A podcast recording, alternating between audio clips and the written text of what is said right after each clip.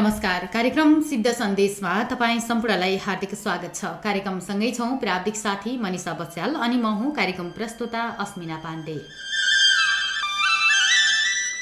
कार्यक्रम सिद्ध सन्देश तपाईँले महिला समानताका लागि सञ्चार अभियानद्वारा सञ्चालित महिलाहरूको सामूहिक आवाज सामुदायिक रेडियो मुक्ति पञ्चानब्बे थुप्रो पाँचको ध्वनि तरङ्गबाट हरेक साताको शनिबार बिहान छत्तिस बजेदेखि करिब करिब सात बजेसम्म सुन्दै आइरहनु भएको छ। आजको बसाइमा पनि हामी तपाईँहरूको माझमा उपस्थित भएका छौँ। तपाईँले हामीलाई रेडियो मुक्तिको website W W W dot radio Mukti dot ORG र मोबाइल एप्लिकेसनको हाम्रो पात्रमा रेडियो मुक्ति बुटबल सर्च गरेर संसारभरिकै साथ सुनिरहनु भएको छ। सुन्न सक्नुहुन्छ। कार्यक्रम सिद्ध सन्देश सिद्ध बाबा मन्दिर विकास समिति तिनाहु तिन पाल्पाको सहकार्यमा रेडियो मुक्तिले उत्पादन र प्रसारण गर्दै आइरहेको छ।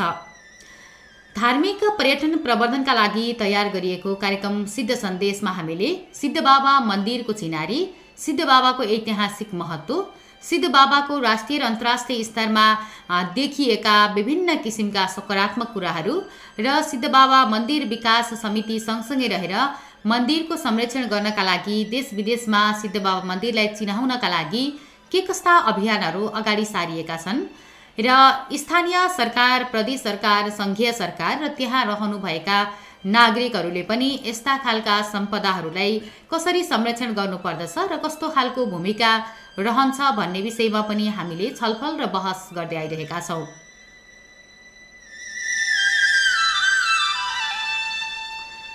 आजको बसाइमा हामीले सिद्धबाबा मन्दिर विकास समिति अथवा सिद्धबाबा मन्दिर पाल्पामा रहेको छ। पाल्पा र रूपन्देहीको सिमानामा रहेको सिद्धबाबा मन्दिरलाई यहाँहरू धेरैले चिन्नु भएको छ र सिद्धबाबा मन्दिरको धेरैले अवलोकन पनि गर्नुभएको छ।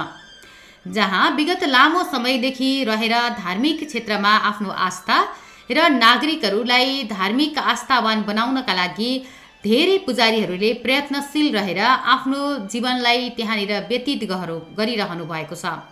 हामीले योभन्दा अगाडिका कार्यक्रमहरूमा त्यहाँ रहेर मूल पुजारीको रूपमा रहनुभएका मूल पुजारीसँग कुराकानी पनि गरिसकेका छौँ। सिद्ध सिद्ध बाबा मन्दिरभित्र रहेका विभिन्न किसिमका मन्दिरहरू र हाम्रा भगवानहरूको आस्थामा रहनुभएका भगवानका पूजाहरू पनि त्यहाँ गरिने गरिन्छ। सिद्ध बाबा मन्दिरमा विशेष गरेर शिवरात्रि सोमबार लगायत विभिन्न वैशाखको नयाँ वर्ष लगायत स्पेसल दिनहरूमा पनि धेरै भिडभाड हुने गर्छ भने अन्य दिनहरूमा शनिबार सोमबार लगायत दिनहुँ जसो त्यहाँ धर्मावलम्बीहरू पुग्ने गर्नुहुन्छ। आजको बसाइमा भने हामीले लामो समयदेखि सिद्ध बाबा मन्दिरमा पुजारीको रूपमा रहनुभएका व्यास पुरुषोत्तम बस्यालसँग कुराकानी गर्न गइरहेका छौँ। अ, सिद्ध मन्दिरको मूल मन्दिरभित्र रहेका दसवटा विभिन्न भगवानहरूका मन्दिरहरू छन्। शिव दुर्गा भगवती लगायतका मन्दिरहरू छन्। दुर्गा मन्दिरको विशेष गरेर उहाँले आफ्नो जिम्मेवारी र भूमिका निभाउनु भएको छ भने त्यहाँभित्र हुने पाठ पूजा लगायतका ठुला ठुला महायज्ञहरू रुद्रीहरूमा चाहिँ सम्पूर्ण पुजारीहरू मिलेर त्यहाँ काम गर्ने गर्नुहुन्छ। हामीले आजको बसाइमा व्यास पुरुषोत्तम बस्यालसँग खास गरी उहाँ सिद्ध बाबा मन्दिरको प्रचार प्रसारका लागि देश विदेशमा पनि जाने अवसर पाउनु भएको छ देश विदेशमा जाँदा नेपालका मन्दिरहरूको महिमा र त्यहाँका मन्दिरहरूको महिमामा कस्तो फरक आउँदो रहेछ भनेर पनि प्रश्न गर्छौँ भने उहाँले सप्तशती भजनमाला जुन गद्य र पद्य शैलीमा लेखिएको छ गद्य र पद्यात्मक चम्पू शैलीको जुन सप्तशती भजनमाला पुस्तक पनि उहाँले प्रकाशन गर्नुभएको छ। त्यहाँ सिद्ध बाबा मन्दिरको महिमा ऐतिहासिक महत्त्वलाई समेटेर पनि उहाँले कविता गीतहरू लेख्नु भएको छ। हामी उहाँको मुखार बिन्दुबाट सिद्ध बाबालाई पर्यटन प्रवर्धनमा टेवा पुग्ने खाले रचना गरिएका गीत कविताहरू पनि आजको बसाइमा सुन्नेछौँ। यो परिचयसँगै अब लागौँ। आजका हाम्रा अतिथिसँगको कुराकानीतर्फ व्यास पुरुषोत्तम बस्याल सर यहाँलाई कार्यक्रममा हार्दिक स्वागत छ। धन्यवाद। आरामै हुनुहुन्छ? आरामै। अब मैले अलिकति तपाईँको पृष्ठभूमिमा जोडिसकेकी छु होइन? कहिलेदेखि सिद्ध बाबा मन्दिरमा यहाँ चाहिँ आबद्ध हुनुभयो? दुई हजार एकाउन्न सालको असार महिनादेखि म निरन्तर त्यहाँ पूजामा छु। अहिले अठाइस वर्ष भयो। अठाइस वर्ष भयो। त्यहाँ पुरानो पुजारीको रूपमा म नै छु अहिले। पुरानो पुजारीको रूपमा हजुर। हुनुहुन्छ अनि यो क्षेत्रतर्फ धार्मिक आध्यात्मिक क्षेत्रमा युवाहरू चाहिँ कमै लागेको पाइन्छ। अब यहाँ चाहिँ सुरुवाती अब पारिवारिक वातावरण त्यस्तै थियो कि अथवा कसैको प्रेरणाबाट तपाईँ चाहिँ म यो क्षेत्रमै लाग्छु भन्ने अठोट थियो कि कसरी प्रवेश गर्नुभएको थियो? मेरो पारिवारिक वातावरण पनि त्यस्तै थियो। पिताजी मेरो पण्डितजी हुनुहुन्थ्यो। र त्यही स्रोतबाट प्रेरणाबाट पिताजीकै प्रेरणाबाट संस्कृत साहित्यप्रति संस्कृत भाषाप्रति रुचि बढेको पढ्ने इच्छा जागृति भएको र यही सिलसिलाबाटै अब संस्कृत पढियो अनि यसरी बन्न पुगियो। हजुर। अब संस्कृतको जुन अब गुरुकुल शिक्षामा चाहिँ यहाँ। रहनुभयो। अब गुरुकुल शिक्षा चाहिँ कहाँबाट प्राप्त गर्नुभएको गुरुकुलीय शिक्षा मेरो आरम्भ त मैले मणिग्रामबाट गरेको हुँ गिरवाण सरस्वतीमै आरम्भ गरेको हुँ। तर विशेष गरेर मैले सिद्ध बाबा मन्दिरमै बसेर गुरुहरूको सान्निध्यतामा रहेर त्यहाँ एकजना पण्डित हुमलाल सुवेदी भन्ने हुनुहुन्थ्यो। उहाँ स्वर्गीय भइसक्नुभयो। उहाँबाट मैले धेरै कुराहरू अध्ययन गर्ने अवसर प्राप्त गरेँ। र पछिल्लो समयमा पुराणहरूको अध्ययन गर्नका लागि अन्तर्राष्ट्रिय ख्यातिप्राप्त गुरु हुनुहुन्छ धर्मगुरु किशोर कुमार गौतम गुरुज्यू। उहाँको सान्निध्यता पाएँ मेरो अहोभाग्य। उहाँको सान्निध्यताबाट मैले पुराणहरूको अध्ययन गर्न पाएर अहिले पुराण वाचन पनि गर्ने गर्छु। अब पुराण वाचन सँगसँगै यहाँले कृति पनि निकाल्नु भएको छ होइन? र पद्यात्मक शैलीमा। अनि यहाँले गीतहरू पनि लेख्ने गर्नुभएको छ। सिद्ध बाबाको महिमालाई समेटेर। मन्दिरमा रहेर धार्मिक आस्थासँग केन्द्रित रहेर त्यहाँ यहाँहरूले सेवा गरिरहँदाखेरि चाहिँ कस्तो खालको अनुभूति हुन्छ? एकदम आनन्द। अन्त कहीँ पनि नभएको आनन्द मन्दिरमा गइसकेपछि भगवान्को सान्निध्यतामा भइसकेपछि त्यहाँका ती बोट बिरुवाहरू त्यहाँका ती रुखपाखा पखेराहरू ती सबै ठाउँमा एउटा परमात्माको प्रतिबिम्ब देख्न थालिन्छ। एकदमै आनन्दको अनुभूति हुन्छ। अब यो जुन पुस्तक यहाँले अगाडि राखिरहनु भएको छ यो पुस्तकमा चाहिँ कति जति यहाँका कविता अथवा गीतहरू समावेश गरिएका छन्? यो त सप्तशती भजनमाला भनेको हाम्रो सप्तशती जुन जुन दसैँको बेलामा दुर्गा नौ दुर्गा पाठ गरिन्छ घर घरमा ग्रह शान्ति गर्दाखेरि जुन पाठ गरिन्छ पण्डितजीहरूले आउनुहुन्छ पाठ गर्नुहुन्छ जानुहुन्छ कर्ताले केही पनि बुझ्न सक्दैनन्। र मलाई कता कता मनमा त्यो लाग्यो खड्किरह्यो एउटा सामान्यतया छन्दमा नजानी नजानी पनि छन्दमा सानैबाट रुचि बसेको मलाई छन्दको ज्ञान नहुँदैदेखि अनि गएर कस्तो लाग्यो भने कमसेकम त्यो पाठ गर्दै गर्दा गुरुजीहरूले पाठ गरेको त्यो पाठ गरेका मन्त्रहरूद्वारा ग्रह शान्ति भए घरमा सुख शान्ति भयो ती मन्त्रहरूको अर्थ के रहेछ त कमसेकम त्यो कर्ताले पनि बुझ्न सकुन् सर्वसाधारणले पनि बुझ्न सकुन् भन्ने ध्येयले मैले सप्तशती तेह्र अध्यायको हुन्छ। त्यो सप्तशती तेह्र अध्यायकोलाई प्रति श्लोकलाई गर्न सम्भव भएन। तर त्यो श्लोक पा पाँच छवटा सातवटा श्लोकबाट जुन एउटा भाव आउँछ तिनी भावलाई प्रति भावलाई नछुट्ने गरेर तेह्रै अध्याय चण्डीलाई तेह्रै अध्यायको रूपमा अध्याय अध्यायगत रूपमा यो गीति कथा भन्छु मैले एउटा छन्दमा भजनकै रूपमा गाउन मिल्ने गरी यसरी लेखियो र यसका अलावा यसमा अलिकता समाजमा जुन विकृति देखिन्छ सन्तानले आमा बाबालाई गर्दै गरेको व्यवहारलाई देख्दाखेरि मनमा कता कता चिसो लाग्यो र एउटा आमाको कविता समावेश गरेको छु। त्यसै गरी समाजमा जुन एउटा हत्या हिंसा बढिरहेको छ पशु बलि गरिएको अवस्था हुन्छ ती पशुहरूको वेदनालाई लिएर एउटा कविता समावेशन समावेश गरेको छु। र विशेष गरेर अलिकता वैराग्यपरक भजनहरू मलाई मनपर्ने गर्छ र वैराग्यपरक भजनहरू दुई तिनवटा भजन यसमा समावेश भएका छन्। र सिद्ध बाबाको कविता सिद्ध बाबाको भजन लगायत समावेश भएको छ। हजुर। अब सिद्ध बाबालाई नै अब यहाँले कसरी सिद्ध बाबाको महिमालाई चाहिँ यहाँले परिभाषित गर्नुहुन्छ? सिद्ध बाबा आफैमा एउटा के हो भने कुनै एउटा ऋषि तपस्वीले आएर त्यो स्थानमा बसेर भगवान् शिवको तपस्या गरेर सिद्धि प्राप्ति गरेको स्थान। त्यहाँ कुनै प्रकट भएको मूर्तिहरू त्यहाँ खोज्यौँ भने पाइँदैन। ती स्थापित नै हुन्। तर त्यो स्थान के हो त भन्दा त्यस स्थानमा बसेर जप गर्दा गर्दा पूजा गर्दा तपस्या आराधना गर्दा भगवान् छिटो प्रसन्न हुनुहुन्छ भनेर ऋषिले प्रमाणित गरिएको सिद्ध क्षेत्र भएको हुनाले त्यो सिद्ध अहिले पनि शिवजीका मूर्तिहरू राखेर नाम सिद्ध बाबा नामाकरण गरिएको छ। र त्यो क्षेत्रको पूजा अर्चना त्यो क्षेत्रको नाम गुणगान सङ्कीर्तन गर्दै गर्दाखेरिको आनन्द जुन आनन्द अनुभूति हुन्छ त्यो आनन्द अनुभूति आनन्द अनुभूति अन्यत्र पाइँदैन। अब त्यहाँ चाहिँ कति बजेदेखि कतिसम्म यहाँ त अब एक किसिमले भजन गाउने होइन? अब पाठहरू गर्ने अब यिनी कविताहरू पनि लयमा पनि यहाँले गाउनुहुन्छ होइन? त्यो चाहिँ बिहान साँझ कति बेला चाहिँ यिनी भजनहरू यिनी गीतहरू तपाईँहरू गाउने गर्नुहुन्छ? अब यो कविता भजनको लागि रचनाको लागि ठ्याक्कै यही समय भनेर चाहिँ समय छुट्याइँदैन। किन भन्दा त्यो कुनै पनि बेला स्फुरित हुन्छ। कुनै काम गरिरहेका बेलामा पूजा गराइरहेका बेलामा एउटा भाव आउँछ। भाव आइरहेका बेलामा त्यही बेलामा टिप्यो अनि त्यसलाई पछि गएर चाहिँ पूर्ण गर्यो। गर्नुपर्ने हुन्छ। कुनै पनि बेला। कहिले सुतिरहेको हुन्छ कहिले मध्यरातमा बिउजिरहेका बेलामा त्यति बेला पनि स्फुरित हुन्छ। त्यति बेला टिप्यो त्यसलाई पछि पूर्ण गर्यो। यसरी कविताहरू भजनहरू लेख्ने गरिन्छ भने निरन्तर त्यसैका लागि अभ्यास गर्ने समय भनेको विशेष गरेर बिहानमा हामी चार बजेदेखि पूजामा निरत रहन्छौँ। अनि फेरि यो धेरै आस्थाको धरोहर भएको हुनाले धेरै भक्तजनहरूको चाप रहन्छ। त्यहाँ लगभग बाह्र एक बजेसम्म दिउँसो भक्तहरूको आवागमन धेरै रहन्छ। त्यो बेलासम्म हामी भक्तको सेवामा रहन्छौँ र दिउँसोको समय एक बजेदेखि हामीलाई पाँच बजेसम्मको समय एकदमै फुर्सदको समय हुन्छ।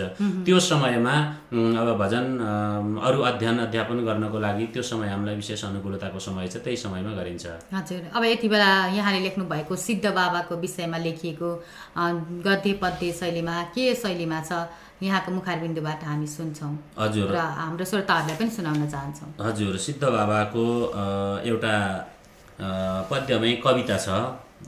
यो कविता शार्दुल विक्रीडित छन्दमा र अनुष्टुप छन्दमा त्यसै गरी भुजङ्ग प्रयात छन्दमा तिनवटा छन्दमा यो कविता लेखिएको छ। यसमा अठारवटा पङ्क्ति छन् सबैभन्दा त यहाँ समय नहोला। शार्दुल विक्रीडित छन्दको एक दुईवटा भन्छु त्यसपछि अर्को भन्छु मैले। जस्तै सुरुमा त्यो सिद्ध बाबा मन्दिर कसरी भयो त भन्ने सम्बन्धमा। कुनै एउटा ऋषिले आफू राजा रहेको अवस्था थियो त्यो राजा रहेको अवस्थामा उनलाई त्यो राज्यबाट वैराग्य प्राप्त भइसकेपछि आएर त्यही पहाडलाई यो सिद्ध बाबा जहाँ अहिले मानिन्छ त्यो सिद्ध बाबा भएको पहाडलाई रोजेर त्यहाँ बसेर तपस्या गरेको प्रसङ्गबाट सुरु गरिएको छ। पर्वतका बिचमा बसेर जसले आराधना जो गरे छाडी वैभव जो समस्त भूमिको उनकै भरोसा गरे। जसका खातिरमा पहाड बिचमा त्यागे शरीरै पनि उनकै आशिकले समस्त जनका मनमा बसे ती अनि।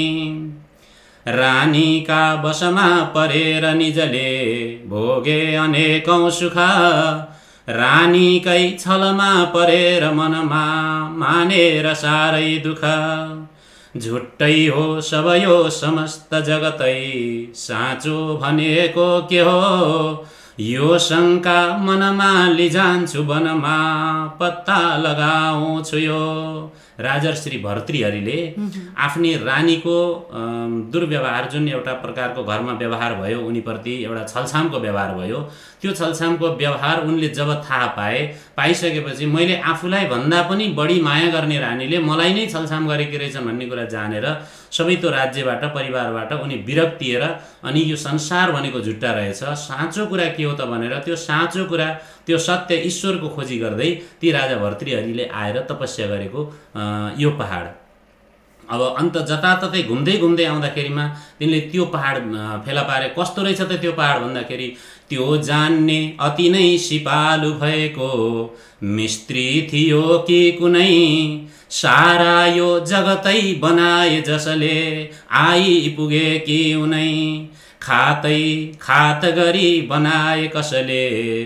चिनेर पर्खालयो पर्खालका बिचमा पवित्र बग्ने आकाश गङ्गा हो।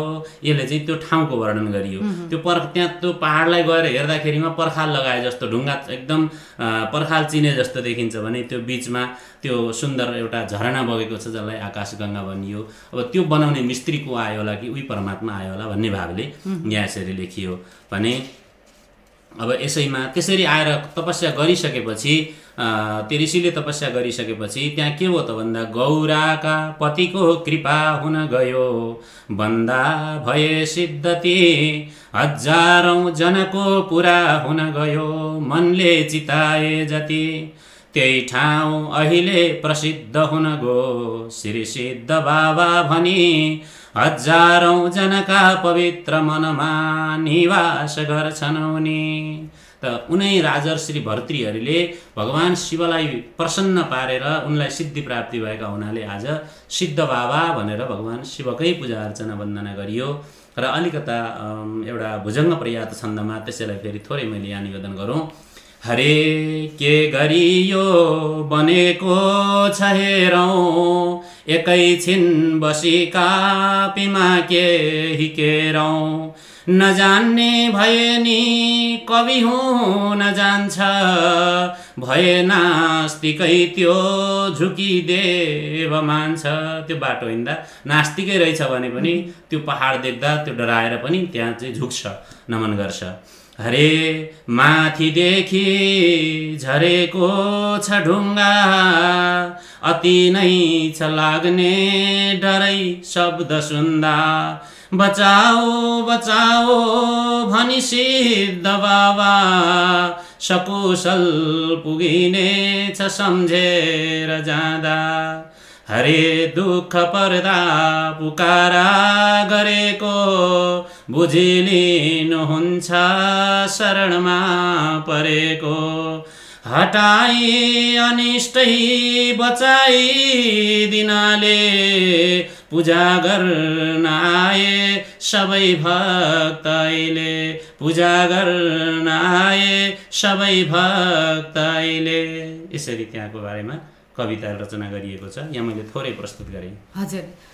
अब हामी फेरि तपाईँको रचनाहरू सुन्दै जानेछौँ। अब विदेशमा देशमा विदेशमा जाँदाखेरि चाहिँ अलिकति अन्तर्भाव पाइन्छ होइन? अब यहाँ पाल्पा जिल्लामा सम्झि बस्नु जन्मिनु भयो। अब रूपन्देही जिल्लामा चाहिँ यहाँको फेरि आफ्नो बसोबास छ भने फेरि कर्म यहाँले पाल्पी जिल्लामा गर्नुभएको छ। पाल्पाकै भूमिमा एउटा तपोभूमि जहाँ मानिसहरूलाई चाहिँ अशान्त मनहरूलाई शान्त बनाउन प्राय मानिसहरू मन्दिर पुग्ने गर्छन् होइन। मन्दिरमा पुगेपछि सन्तुष्टि हुन्छ भनेर केही समय नागरिकहरूले छुट्याएका हुन्छन्। त्यस्तो ठाउँमा यहाँहरू बसिरहनु भएको छ र यही सिलसिलामा अथवा आफ्नो कुनै आध्यात्मिक सिलसिलामा यहाँ देश बाहिर पनि जानुभयो। देश बाहिर पुग्दा सिद्ध बाबा मन्दिरलाई कसरी चिनाउने प्रयास गर्नुभयो? अवश्य पनि आफू जुन ठाउँमा बसिन्छ त्यो ठाउँको अनायासै माया बढी हुँदो रहेछ। जहाँ जाँदा पनि म सिद्ध बाबालाई साथमै लिएर हिँडेको छु भन्ने मनमा आभास हुन्छ।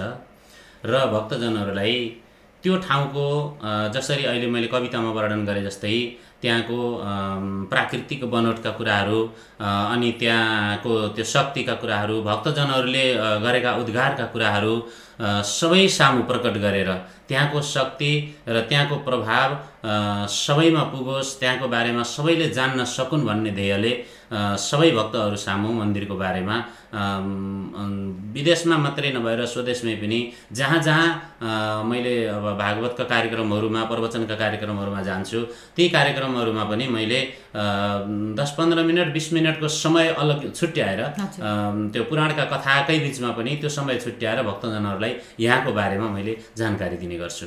अब विदेशमा कुन कुन ठाउँमा पुग्नुभयो? त्यहाँ पुगिसके पछाडि चाहिँ अब सिद्ध बाबा मन्दिरको नेपालीमा अङ्ग्रेजीमा होइन? हिन्दीमा पनि अब विभिन्न धार्मिक पर्यटन प्रवर्धन गर्नको लागि चाहिँ वेबसाइटहरूमा पनि यहाँले प्रचार प्रसार गर्ने व्यवस्थापन गर्नुभएको छ। आउट अफ कन्ट्री पुग्दाखेरि चाहिँ यो सिद्ध बाबा मन्दिर र त्यहाँका मन्दिरहरू र यहाँका मन्दिरहरूको भिन्नता र त्यो प्रचार गर्ने शैलीलाई चाहिँ कसरी निहाल्नुभयो यहाँले? कस्तो अनुभूति गर्नुभयो? अवश्य पनि अब भारतका धेरै ठाउँहरूमा गइयो। भारतको र नेपालको त लगभग लगभग मिल्दोजुल्दो हुन्छ। त्यसमा केही प्रभाव फरक पर्दैन। बाहिर जाँदाखेरि म थाइल्यान्डमा गएको थिएँ। थाइल्यान्डको फुकेट सहरमा त्यहाँ हाम्रो विशाल मन्दिर छ। जहाँ हाम्रो गुरुजी अघि मैले निवेदन गरेँ किशोर गुरुजी किशोर गौतम गुरुजी उहाँले स्थापना गर्नुभएको सना सनातन धाम भन्ने अत्यन्त विशाल मन्दिर छ। त्यहाँ गएर मैले देवी भागवतको प्रवचन गर्ने नौ दिनको कार्यक्रम गर्ने अवसर पाएको थिएँ। र त्यहाँ कस्तो छ भने थाइल्यान्डमा बर्माबाट गएका नेपालीहरूको बस्ती छ। बर्मिज नेपालीहरूको बस्ती छ। नेपाली एकदमै राम्रो हामी जस्तै नेपाली बोल्छन् बुझ्छन्। नेपालीमै त्यहाँ हामीहरू प्रवचन गर्छौँ। र त्यहाँ जाँदाखेरि उहाँहरूका सान्निध्यतामा रहेर कथा गर्दै गर्दा र यहाँका मन्दिर मठ मन्दिरहरूका वर्णन गर्दै गर्दा उहाँका भक्तजनहरूको यहाँ यो देशप्रतिको प्रेम र यहाँका मठ मन्दिरहरूप्रतिको त्यो श्रद्धा देख्दाखेरि मन अत्यन्तै पुलकित हुन्छ। र उनीहरूमा एउटा के त भन्दा धर्मप्रति आस्था यति छ कि कुनै पनि चाडबाड उनीहरूले जे जति छन् वरिपरि भएका सबै नेपालीहरू जम्मा भएर एक ठाउँमा जम्मा भएर कुनै पनि चाडबाडलाई उनीहरूले अत्यन्तै रमाइलो उत्सवका साथमा मनाउने गर्दा रहेछन्। र उनीहरूले अत्यन्तै ध्यान दिएको मैले दुईवटा कुरा के पाएँ भने भाषा र वेशभूषा। नेपाली भाषा अनि नेपाली वेशभूषा। कुनै पनि कार्यक्रममा नेपालीहरू जब कुनै कार्यक्रम गर्दैछन् भने जमघट हुँदैछन् भने त्यहाँ पुरै नेपाली भा वेशभूषामा छन् उनीहरू। कुनै बाहिरका विदेशका कपडामा उनीहरू हुँदैनन्। नेपाली वेशभूषामा हुन्छन् र भाषा पनि अत्यन्तै राम्रोसँग नेपाली भाषा शुद्ध भाषा बोल्ने त्यहाँको पढाइ कस्तो हुँदो रहेछ भने वर्षमा दुई महिना छुट्टी हुँदो रहेछ। त्यो छुट्टीको समयमा उनीहरूले नेपाली टिचरको व्यवस्था गरेर नेपाली अध्ययन गर्ने अध्यापन गराउने त्यो व्यवस्था मिलाउँदो रहेछन्। त्यसकारण बच्चादेखि वृद्धसम्म पनि सबैले नेपाली भाषा राम्रोसँग बोल्ने र बुझ्ने त्यो रहेछ। पूजाको पद्धति अब सबै हाम्रो जस्तै यहीँकै जस्तै हो। सबै उहीँ बर्मामा पनि गुरुकुलहरू छन् सनातन गुरुकुलहरू भएका हुनाले उहाँ पढेका ब्रह्ममै पढेका गुरुजीहरूले बसेर त्यहाँ पूजा अर्चना गराउनु हुँदो रहेछ। पूजाका पद्धति लगभग मिल्दोजुल्दो नै हुन्छ मठ मन्दिरहरू पनि। एउटा पूजा मन्दिरको हकमा मन्दिरभित्रको पूजाको हकमा अलिकता भिन्नता हाम्रो के पाइन्छ भने हाम्रो यहाँनिर प्रत्यक्ष भगवान्लाई मूर्तिले माइ मूर्तिलाई नै गएर समाउँदा मूर्तिमै गएर चढाउँदा भक्तजनलाई जुन एउटा आनन्द अनुभूति भएको हो अथवा के हो यहाँ त्यो खोज्दो रहेछ भक्तजनले। तर बाहिर गएर हेर्दाखेरिमा प्रत्यक्ष मूर्तिलाई छुन पाइँदैन बाहिरबाट ढोकाबाट भित्र एकजना नियुक्त भएको पुजारीले भित्र पूजा गरिदिनुहुन्छ अरूले बाहिरबाट दर्शन गर्नुहुन्छ। भारतका पनि धेरै ठाउँमा त्यो छ। तर हाम्रो यहाँ छैन हुन सकेको छैन। एकपटक हामीहरूले यहाँ प्रयास गरेका पनि हौँ। किन भन्दा मूर्तिमा अलिकता त्यही दुध दही जलहरू निरन्तर चढाइरहँदाखेरि मूर्ति खराब हुने अवस्था आए। र त्यो मूर्तिको बचाउ गर्नका लागि यो छेकाउँ न त अलिकता बाहिरबाट टाढाबाट गरौँ पुजारीबाट गरौँ भन्दा यहाँ सकिएन। भक्तजनहरूले नै एउटा गुनासो के आइदियो भने हामी टाढा टाढाबाट अन्त मन्दिर देवालय नभएर आएका होइनौँ। प्रत्यक्ष यहाँ भगवान्लाई छुन पाइन्छ पूजा गर्न आफूले पूजा गर्न पाइन्छ हामीलाई सन्तुष्टि हुन्छ त्यसकारण हामी आएका हौँ भनेर भक्तजनहरूले नै आवाज गरिदिएपछि हामीहरूले त्यसलाई हटाएर फेरि प्रत्यक्ष पूजा गर्न दिएका छौँ। खासै भिन्नता त्यस्तो छैन। हजुर। अब यहाँले चाहिँ सिद्ध बाबा मन्दिरमा चाहिँ दर्शन गर्नको लागि थाइल्यान्डका पुजारीहरूलाई पनि निमन्त्रणा गर्नुभयो। पुजारीहरूलाई भक्तजनहरूलाई आउनु पनि भयो। थाइल्यान्डबाट भक्तजनहरू आउनुभयो। आएर एक रात सिद्ध बाबामै बसेर तेह्र चौधजनाको टोली आउनुभएको थियो। सिद्ध बाबामै बस्नुभयो एक रात बस्नुभयो। त्यहाँ बेलुका पूजा गरायौँ बिहानको पनि पूजा गरायौँ र पूजा गराइसकेपछि हाम्रो सिद्ध बाबा मन्दिर विकास समितिले फेरि पर्यटकीय बस सञ्चालन गरेको छ धार्मिक बस भनेर। अनि उहाँहरूलाई त्यही बसमा सेवा दिएर हामीहरूले लुम्बिनी भ्रमण पनि गरायौँ। र उहाँहरूलाई फेरि अर्को गाडीको व्यवस्था गरेर स्वर्गद्वारीसम्म दर्शन गराएर पनि मैले पठाएको हुँ। त्यसरी उहाँहरू म गइसकेपछि निमन्त्रणा गरिसकेपछि आएर यहाँ दर्शन गरेर पनि जानुभयो। र कति अरू भक्तजनहरू पनि उहाँका पण्डितजीहरू पनि आउन उत्सुकता हुनुहुन्छ अहिले यो कोभिडका कारण उहाँहरू आउन सक्नु भएन आउने बिचमा आउने कुरा थियो। आउन सक्नु भएन। धेरैजना आउन उत्सुक हुनुहुन्छ। हजुर। हामी कुराकानीलाई जोड्दै जानेछौँ। फेरि यति बेला हामी यहाँले गीतहरू पनि रेकर्डिङ गराउनु भएको छ। सिद्ध बाबा मन्दिरको पर्यटनको लागि भजन, गीतहरू। अब बिहान साँझ आरतीदेखि लिएर विशेष दिनहरूमा त्यहाँ विभिन्न किसिमका गीत सङ्गीतहरू बजिरहन्छन् होइन। एउटा गीत भजन सुन्छौँ हामी। अ, सिद्ध बाबाको आरती विशेष सिद्ध बाबामा बिहान बेलुका आरती गर्ने गरिन्छ जुन त्यो आरती मैले गत साल दुई वर्ष भएछ त्यो आरती रेकर्ड गरेको। त्यो यहाँ सुनाउन चाहेँ। जय जय भोले जय सिद्ध बाबा जय जय भोले जय सिद्ध बाबा। तिम्रै चरणको बनु म दास तिम्रै चरणको बनु म जय जय भोले जय सिद्ध बाबा। जय जय भोले जय सिद्ध बाबा।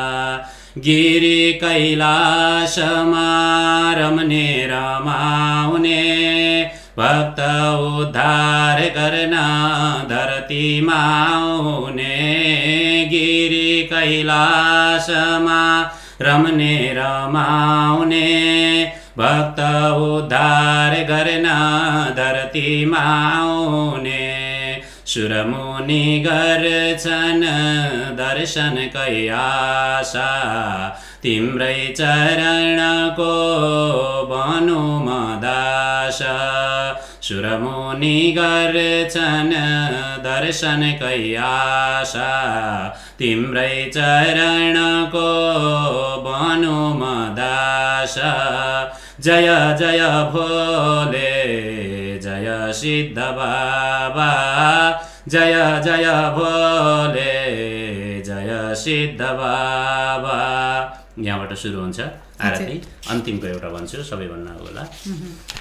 शङ्खर घण्ट ध्वनि ताल मृदङ्गा। बजाई भक्तले स्तुति गान गर्दा। शङ्खर घण्ट ध्वनि ताल मृदङ्गा। बजाई भक्तले स्तुति गान गर्दा। श्रद्धा र भक्ति गरे सिद्ध बाबाको आरती जसले गर्यो पारी तर्यो त्यो। श्रद्धा भक्ति गरे सिद्ध बाबाको आरती जसले गर्यो पारी तर्यो त्यो जय जय भोले जय सिद्ध बाबा जय जय भोले जय सिद्ध बाबा तिम्रै चरणको बनु मदास तिम्रै चरणको बनु मदास जय जय भोले जय सिद्ध बाबा। जय जय भोले जय सिद्ध बाबा। हजुर। तिम्रै चरणको बनुमा दास जय जय भोले जय सिद्ध बाबा, हजुर। अब यिनी कुराहरूसँगै अलिकति तपाईँको व्यक्तिगत जीवनको कुरा गर्छौँ हामी। अब योभन्दा अगाडि अठाइस वर्ष पहिलाको पुरुषोत्तम बस्याल त्यति बेला गुरुकुल शिक्षा लिन आउँदाखेरिको मनमा चलेको एउटा हुटुटी एउटा कौतूहलता होइन? तपाईँको साथीहरू कतिपय बोर्डिङ स्कुल कतिपय सरकारी स्कुलमा झोला बोकेर जानुभएको थियो होला। तपाईँ गुरुकुल शिक्षातिर लाग्नुभयो। हजुर। त्यो बेलाको पुरुषोत्तम बस्याल अहिले चाहिँ व्यास पुरुषोत्तम बस्यालसम्म आउँदाखेरि कस्तो अनुभूति हुन्छ? एकदमै सपना जस्तो लाग्छ। धेरै सङ्घर्षबाट। किन भन्दा अलिकता घरको अवस्था एउटा निम्न स्तरीय अवस्थाबाट आएको अवस्था थियो। अवश्य पनि नभए अब त्यो सत्र अठार वर्षकै उमेरबाट मन्दिरमा बस्नुपर्ने अवस्था भनेको त्यही किसिमबाट सिर्जना भए। र सुरु सुरुमा के भइदियो त भन्दा त्यति विवेकपूर्ण भएन। एउटा केटाकेटीपना भनौँ न केटाकेटीपना भयो अध्ययन अध्यापनमा पनि त्यति लागिएन। बिस्तारै बिस्तारै हुँदै जाँदाखेरि विशेष गरेर बिस बाइस तेइस वर्ष पछाडि मात्रै अनि अलिकता ए मैले पढ्नुपर्छ है म अलि धेरै कुराहरू जान्नुपर्छ है भन्ने किसिमको भावना मलाई बाइस तेइस वर्षपछि मात्रै अलि जागरुक भएर त्यसपछि गुरुहरूका साथमा र अत्यन्तै तीक्ष्ण बुद्धि थियो। गुरुले भन्नुहुन्थ्यो धेरैलाई पढाएँ तर यस्तो तीक्ष्ण बुद्धि सबैमा थिएन हुँदैन थियो भन्नुहुन्थ्यो। मलाई सुनेपछि आउँथ्यो। गुरुजीले ज्योतिष गर्नुहुन्थ्यो। गुरुजीको छेउमा सँगै बसेर मैले हेर्थेँ गुरुजीले हेर्दै गर्दा फलादेश गर्दै गर्दा मैले हेर्थेँ अनि उनीहरू गइसकेपछि ती गुरुजीले भनेका श्लोकहरूलाई मैले गुनगुनाउँथेँ बाहिर। भर्खरै भनेका श्लोक तैँले कण्ठ गरिसकिस् भन्नुहुन्थ्यो गुनगुनाउँथेँ। त्यसरी मलाई सुनेपछि आउँथ्यो त्यसरी त्यो अध्ययन गर्ने क्रममा। अनि गुरुजीले प्रेरणा प्रेरणा दिनुभयो। तँलाई सुनेपछि मात्रै आउँछ तैँले अध्ययन गर्नुपर्छ पढ्नुपर्छ यो यो पढ यसरी पढ। गुरुजीले भन्दै जानुभयो। त्यही किसिमबाट मैले विशेष गरेर ज्योतिष र कर्मकाण्डलाई पहिलो प्राथमिकता दिएर गुरु हुमलाल सुवेदीज्यूबाट मैले अध्ययन गरेँ। त्यसपछि दुई हजार त्रिसठी सालमा भारतको नैमिसारण्य क्षेत्रमा अठार पुराण भारत र नेपालको संयुक्त आयोजनामा त्यहाँ अठार पुराणको आयोजना भएको थियो। संयोग मेरो भाग्यको उदय त्यतिखेर भयो म त्यहाँ जान पाएँ र त्यति बेलादेखि धर्मगुरु व्यासाचार्य किशोर गौतम गुरुजीसँग मेरो परिचय हुन गयो। र मैले भजन गाउँथेँ त्यतिखेर टुक्का भजनहरू गाउँथेँ। त्यो भजनबाट पनि गुरुजी एकदम प्रभावित हुनुभयो र गुरुजीले त्यति बेला काखमा लिनुभयो। हजुर। केही गर्नुपर्छ यो व्यक्तिले केही गर्छ यो बालकले केही गर्छ भन्नुभयो अनि गुरुजीको धेरै सान्निध्यता भएपछि पुराणहरूको अध्ययन मेरो त्यसपछि त्रिसठी साल पछि बल्ल पुराणहरूको अध्ययन सुरुवात भएर मैले दुई हजार बहत्तर सालमा गुरुजीबाटै मैले व्यास ग्रहण गरेको हुँ। हजुर। र त्यति बेलाको त्यो एउटा बाल्य अवस्थाको समयलाई मन्दिरमा बस्दै गर्दा आउँदै गर्दाको समयलाई हेरेर आजको अवस्थालाई हेर्दाखेरिमा धेरै फरक पाउँछु म आफूले आफैलाई सपना जस्तो लाग्छ। हजुर। अब सन्तुष्ट हुनुहुन्छ? एकदम एकदम। आफ्नो कर्मबाट एकदमै सन्तुष्ट छु। परिवारबाट समाजबाट नातागोताहरूबाट पनि अब एउटा मन्दिरमा बस्ने मन्दिरमा बस्छ फल्नाको छोरा अथवा नाति भन्ने खालको मानसिकता थियो होला। अहिले त व्यास पुरुषोत्तम बनेर निस्किनु भयो नि त। अनि त्यो। पुरुषोत्तम र अहिलेको पुरुषोत्तमलाई चाहिँ उहाँहरूप्रतिको सद्भाव उहाँहरूले देखाउनु भएको माया कस्तो हुन्छ? एकदमै एकदमै राम्रो छ सकारात्मक सोच। अब त्यस्तो कुनै किसिमको नकारात्मक भावना त कहिले पनि पाइएन कसैबाट। हजुर हजुर। तर अब अहिले आउँदाखेरिमा पनि सबैबाट एकदमै राम्रो सबैको सपोर्ट साथ सहयोग पाइएको छ। हजुर। अब यहाँले यो पुस्तकमा चाहिँ आमा भनेर पनि आमा शीर्षकको एउटा कविता लेख्नु भएको छ। यो आमा शीर्षकको कविता लेख्नुकै कारण चाहिँ के? तपाईँको त्यो आफ्नै जीवनसँग मेल खान्छ वा देश विदेशका आमाहरू जसले चाहिँ सन्तानलाई जन्म दिनुहुन्छ र सृष्टि चल्छ होइन? त्यो ढङ्गबाट यहाँले यो आमा कविता लेख्नुभयो। एकदमै राम्रो मनमा खड्केकै प्रश्न हजुरले गर्नुभयो। आमा बाबाप्रति अलि पहिलादेखि नै जब यी पुराणहरू अध्ययन गर्न लागि ती आमा बाबाहरूका प्रसङ्गहरूलाई पढ्न लागि आमा बाबाको महत्त्वलाई बुझियो आमा बाबाहरूप्रति एकदमै सद्भाव जागेर आउँथ्यो। यो कविता ठ्याक्कै यही कविता लेख्नुको कारण चाहिँ एउटा बनेको छ। समय छोटो होला म एकदम छोटकरीमा भन्छु। मेरो घर बसाइ मेरो कोटी हवा रूपन्दी अ, तिलोतमा अहिलेको पन्ध्रमा। कोटी हवादेखि सिद्ध बाबा आउने क्रममा मेरो आफ्नो साधन थिएन।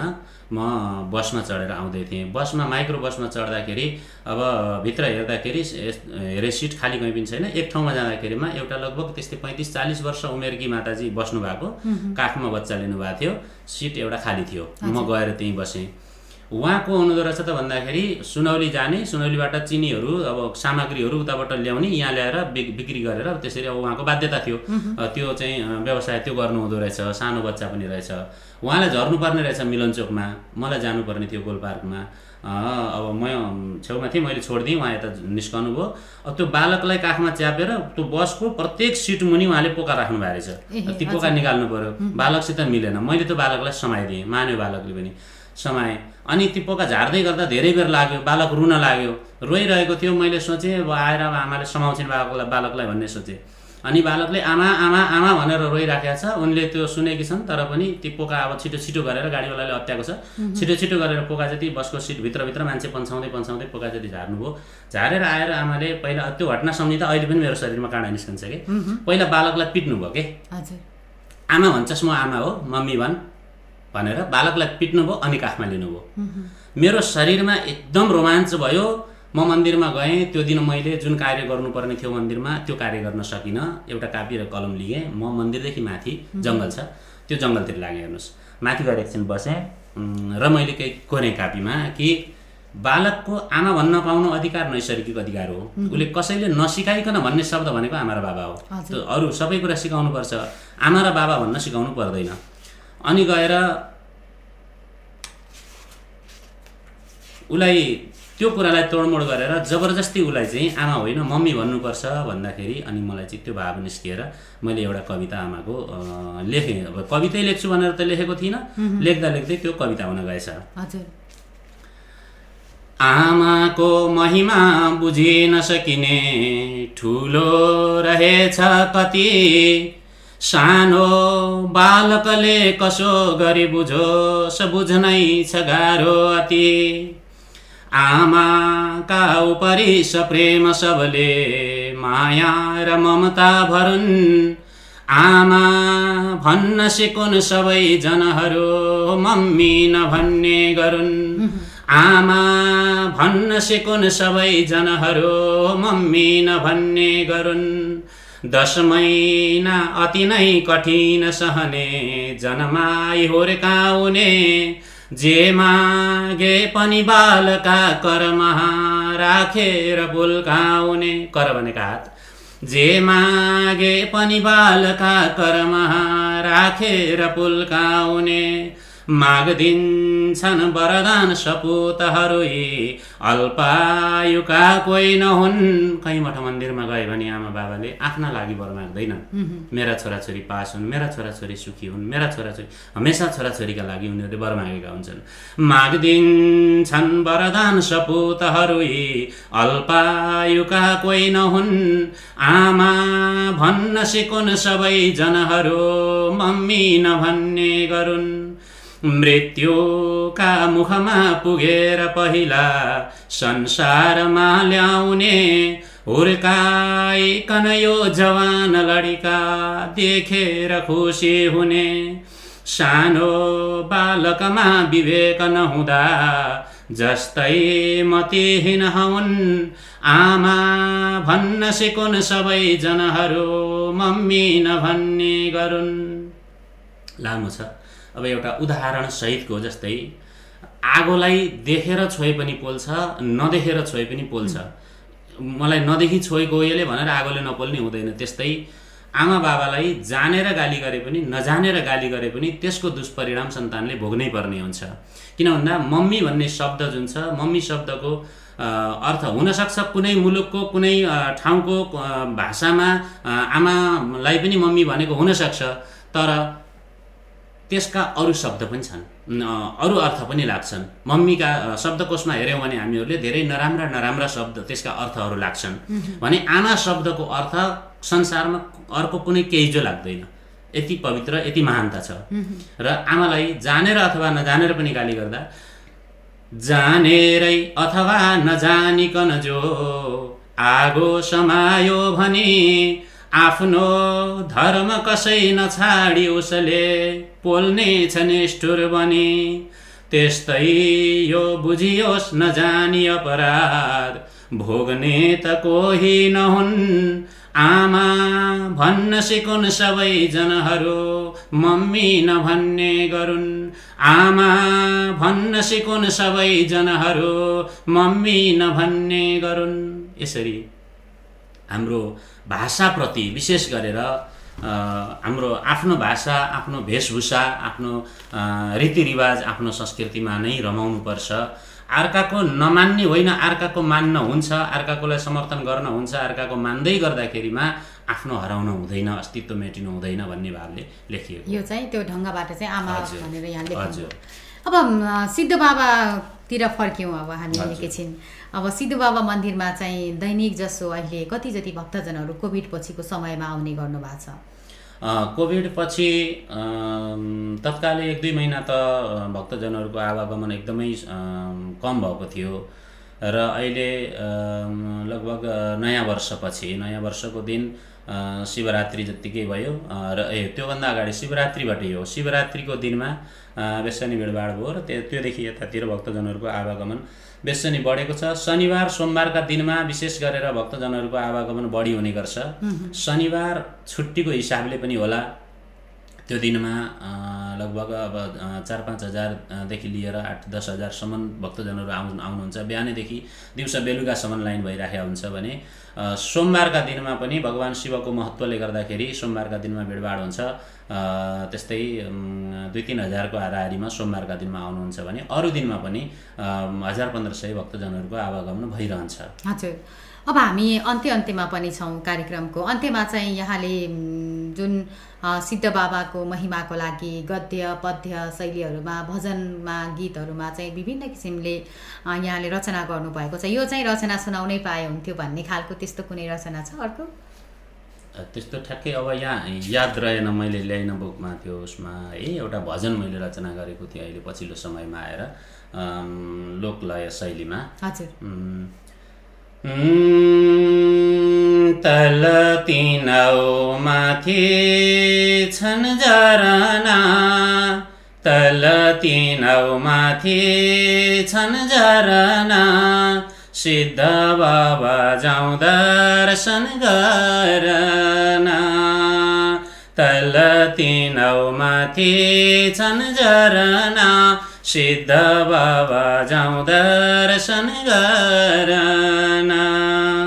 यो लयमा एउटा लोकलयमा हजुर। भजन रचना भएको छ अहिले। त्यो रेकर्डिङ गर्ने प्रक्रियामा छ। हजुर।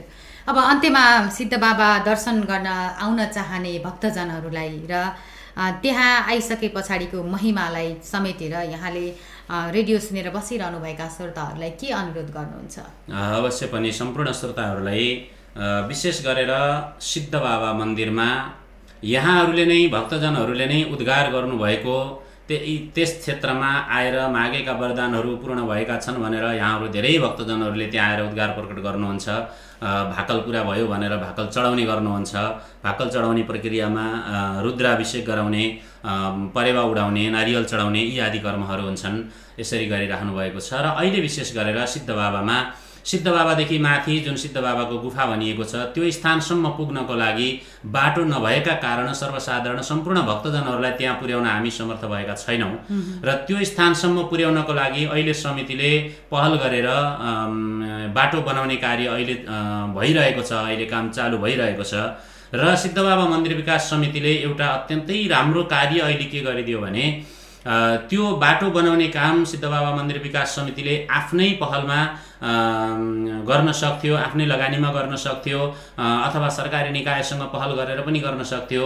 त्यति मात्र नभएर ती कुराहरूलाई गर्दा गर्दै पनि सम्पूर्ण भक्तजनहरूको पनि यसमा अपनत्व हुनुपर्दछ हामीले बनाएको बाटो हो भन्न पाउनु पर्दछ भन्ने भावना राखेर ती सिँढीहरू लगभग हामीलाई त्यो गुफासम्म पुग्नका लागि चार पाँच हजार सिँढी निर्माण गर्नुपर्ने हुन्छ।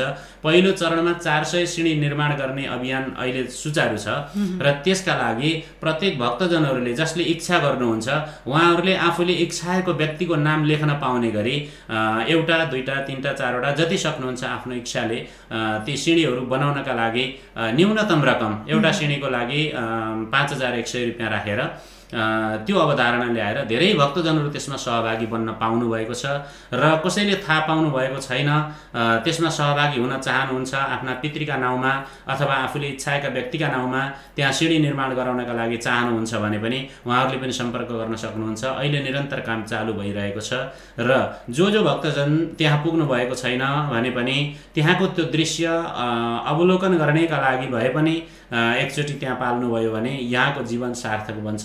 धन्य बन्छ। भगवान् सिद्ध बाबाको कृपा यहाँलाई बन्छ। यिनै मङ्गलमय बाणी राख्न चाहन्छु। हस्।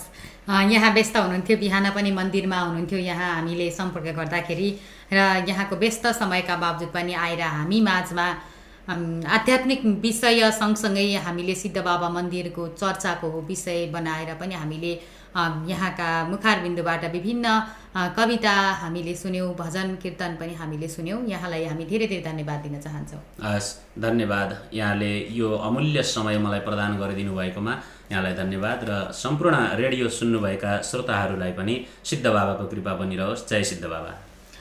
अवश्य पनि आदरणीय श्रोताहरू आजका लागि कार्यक्रम सिद्ध सन्देशलाई छुट्याएको समयको हामी अन्त्यतिर छौँ। आजको बसाइमा हामीले कार्यक्रम सिद्ध सन्देशमा रहेर अ, सिद्ध बाबा मन्दिर विकास समिति सँगसँगै रहेर सिद्ध बाबा मन्दिर तिनाहुतिन पाल्पामा रहेको मन्दिरमा लामो समयदेखि पुजारीको रूपमा रहनुभएका व्यास पुरुषोत्तम बस्यालसँग रहेर हामीले मन्दिर विकास समिति सँगसँगै केही व्यक्तिगत कुरा र केही धार्मिक कुरा केही आध्यात्मिक कुरा केही देशभित्रका कुरा त केही देश बाहिरका कुरा पनि गरेका छौँ उहाँ सिद्ध बाबा मन्दिरमा पुजारी भएर बसेर अनुभव सङ्घालेकै कारणले थाइल्यान्ड भारतमा गएर पनि ठुला ठुला अ, कार्यक्रमहरूमा धार्मिक कार्यक्रमहरूमा सहभागी हुने अवसर पाउनु भएको छ।